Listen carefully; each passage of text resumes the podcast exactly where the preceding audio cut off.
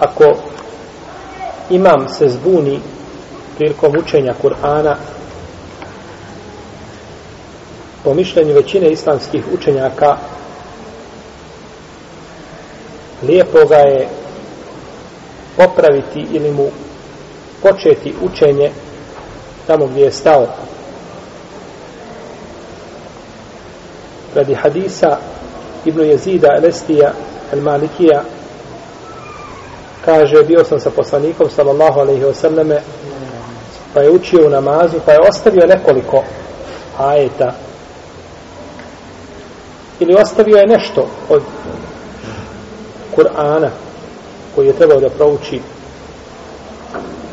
Pa mu je rečeno Allahu poslaniče ostavio si to i to. Zaboravio si jel, proučiti to i to. Pa je rekao zašto me niste posjetili zašto me niste podsjetili? Poslanik sallallahu alejhi ve selleme ne zaboravlja po pitanjima šerijata ne može ništa zaboraviti. Može po pitanjima dunjalučkih stvari ali po pitanjima šerijata ne može ništa zaboraviti. Osim da zaboravi nešto da bi to bio opet šerijat ili da bi time ukazao na određeni propis. Pa je njegov zaborav poučio nas kako da učinimo šta? Sehvi seđdu. Da nije zaboravio možda bi to mogao kazati. I kazao bi to sigurno praktično poslanik sallallahu sallam međutim ostali teoretski ali ovdje je došlo praktično. Kako je došlo u hadisu kod imama Malika u njegovoj muveti imamo četiri hadisa koji nemaju spojene lance prenosilaca. Neka je nama tražila senede ali ima Malik spomenuo četiri hadise bez lanca prenosilaca. I jedan od ti od ta četiri hadisa u Muvati jeste da je poslanik sallallahu rekao kaže ja ne zaboravljam nego Allah učini da zaboravim da bih vam sunnet tako bio propisan ili da bi vam sunnet bio pojašnjen. Pa je zaborav poslanika sallallahu alaihi vseleme u šerijetu. Kada se desi opet to cilj šerijata da se šta? Desi, dešava se ciljano. Nije samo tako, desilo se i nakon toga desilo se zaboravi prošlo nego znači da bi nama došao da bi nama došao propis. U protivnom kako bi mi znali da je nekome dozvoljeno da progovori za imama i da mu otpočne učenje da se nije desilo da se nije desilo tako nešto. I ovome sljedeći hadis Ibn Omara, da je poslanik sallallahu alaihi sallam učio namazu, kad bi se alaihi, pa se zbunio. Pa kad je završio namaz, rekao je Ubeju ibn Kjabu, kaže, jesi li bio sa nama u namazu?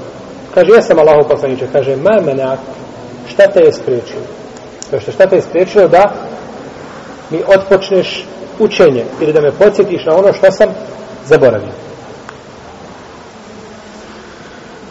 No, međutim, ne treba popravljati mama za sve.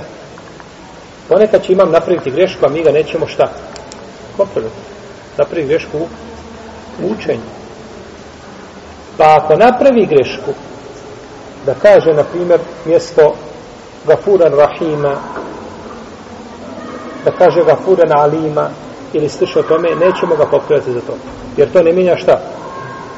ne mijenja značenje. Kako je došlo u hadisu koga bilježi imam Ahmed i Ebu Dawud i Dujal Makdis u svome djelu na hadisu Muhtara sa vjerodostanim lancem prenosilaca da je poslanik sallallahu alaihi sallam rekao šta god da kažeš bilo da kažeš Gafura Rahima ili da kažeš Semijan Alima ili da kažeš Alimen Semija sve je to kaže ispravno i Allah je upravo takav kao što si ga čime si ga opisao. Kaže, sve dok ne završi ajeta zaba sa rahmetom ili ajet rahmeta sa azabom. Je u redu? Znači, dok se ne promijeni šta? Značenje.